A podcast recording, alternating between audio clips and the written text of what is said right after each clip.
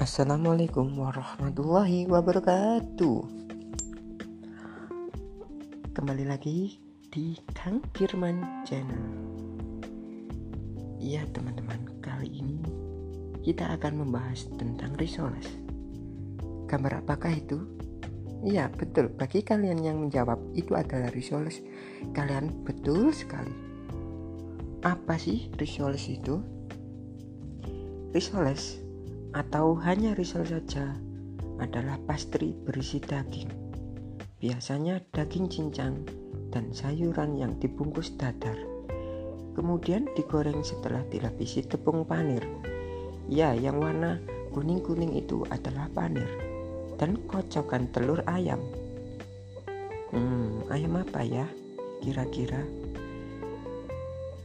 biasanya pakai ayam yang sudah di sembelih kawan-kawan.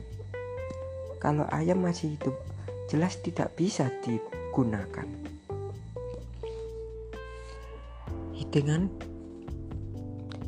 Hidangan ini juga dapat dipanggang di dalam oven dan disajikan sebagai horse diover atau entry ringan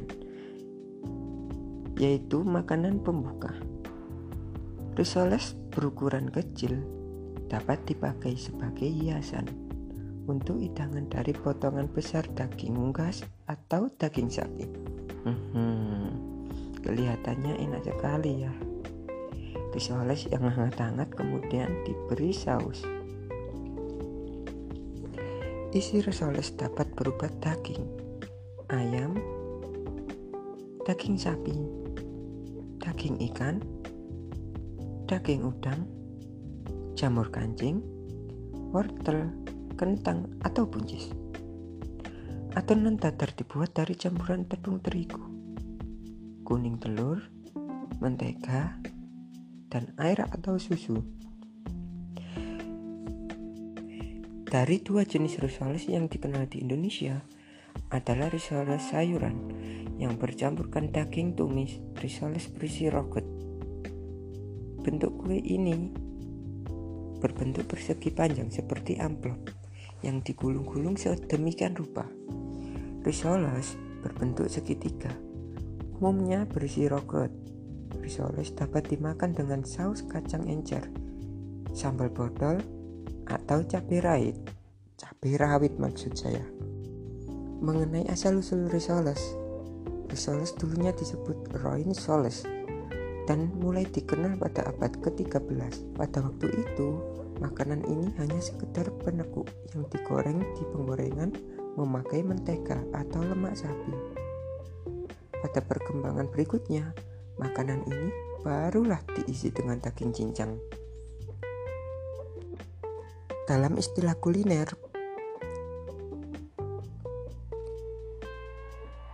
verba risoles berarti menjadikan coklat. Sebuah risol selalu dibungkus oleh pastry gelembung atau sejenisnya. Biasanya digoreng, tetapi kadang-kadang dipanggang juga di oven. Rasa risol dapat berasa asin atau manis. Rasa manis didapat dengan menaburinya dengan gula halus dan melengkapinya dengan saus buah. Bagi kalian yang ingin sekali mencoba risoles ini, bisa juga membuatnya sendiri di rumah. Caranya cukup mudah. Kalian bisa menyiapkan kulit pangsit atau membuat adonan sendiri dan diisi dengan ayam atau sayur-sayuran yang dimasak dengan tepung tepung terigu misalnya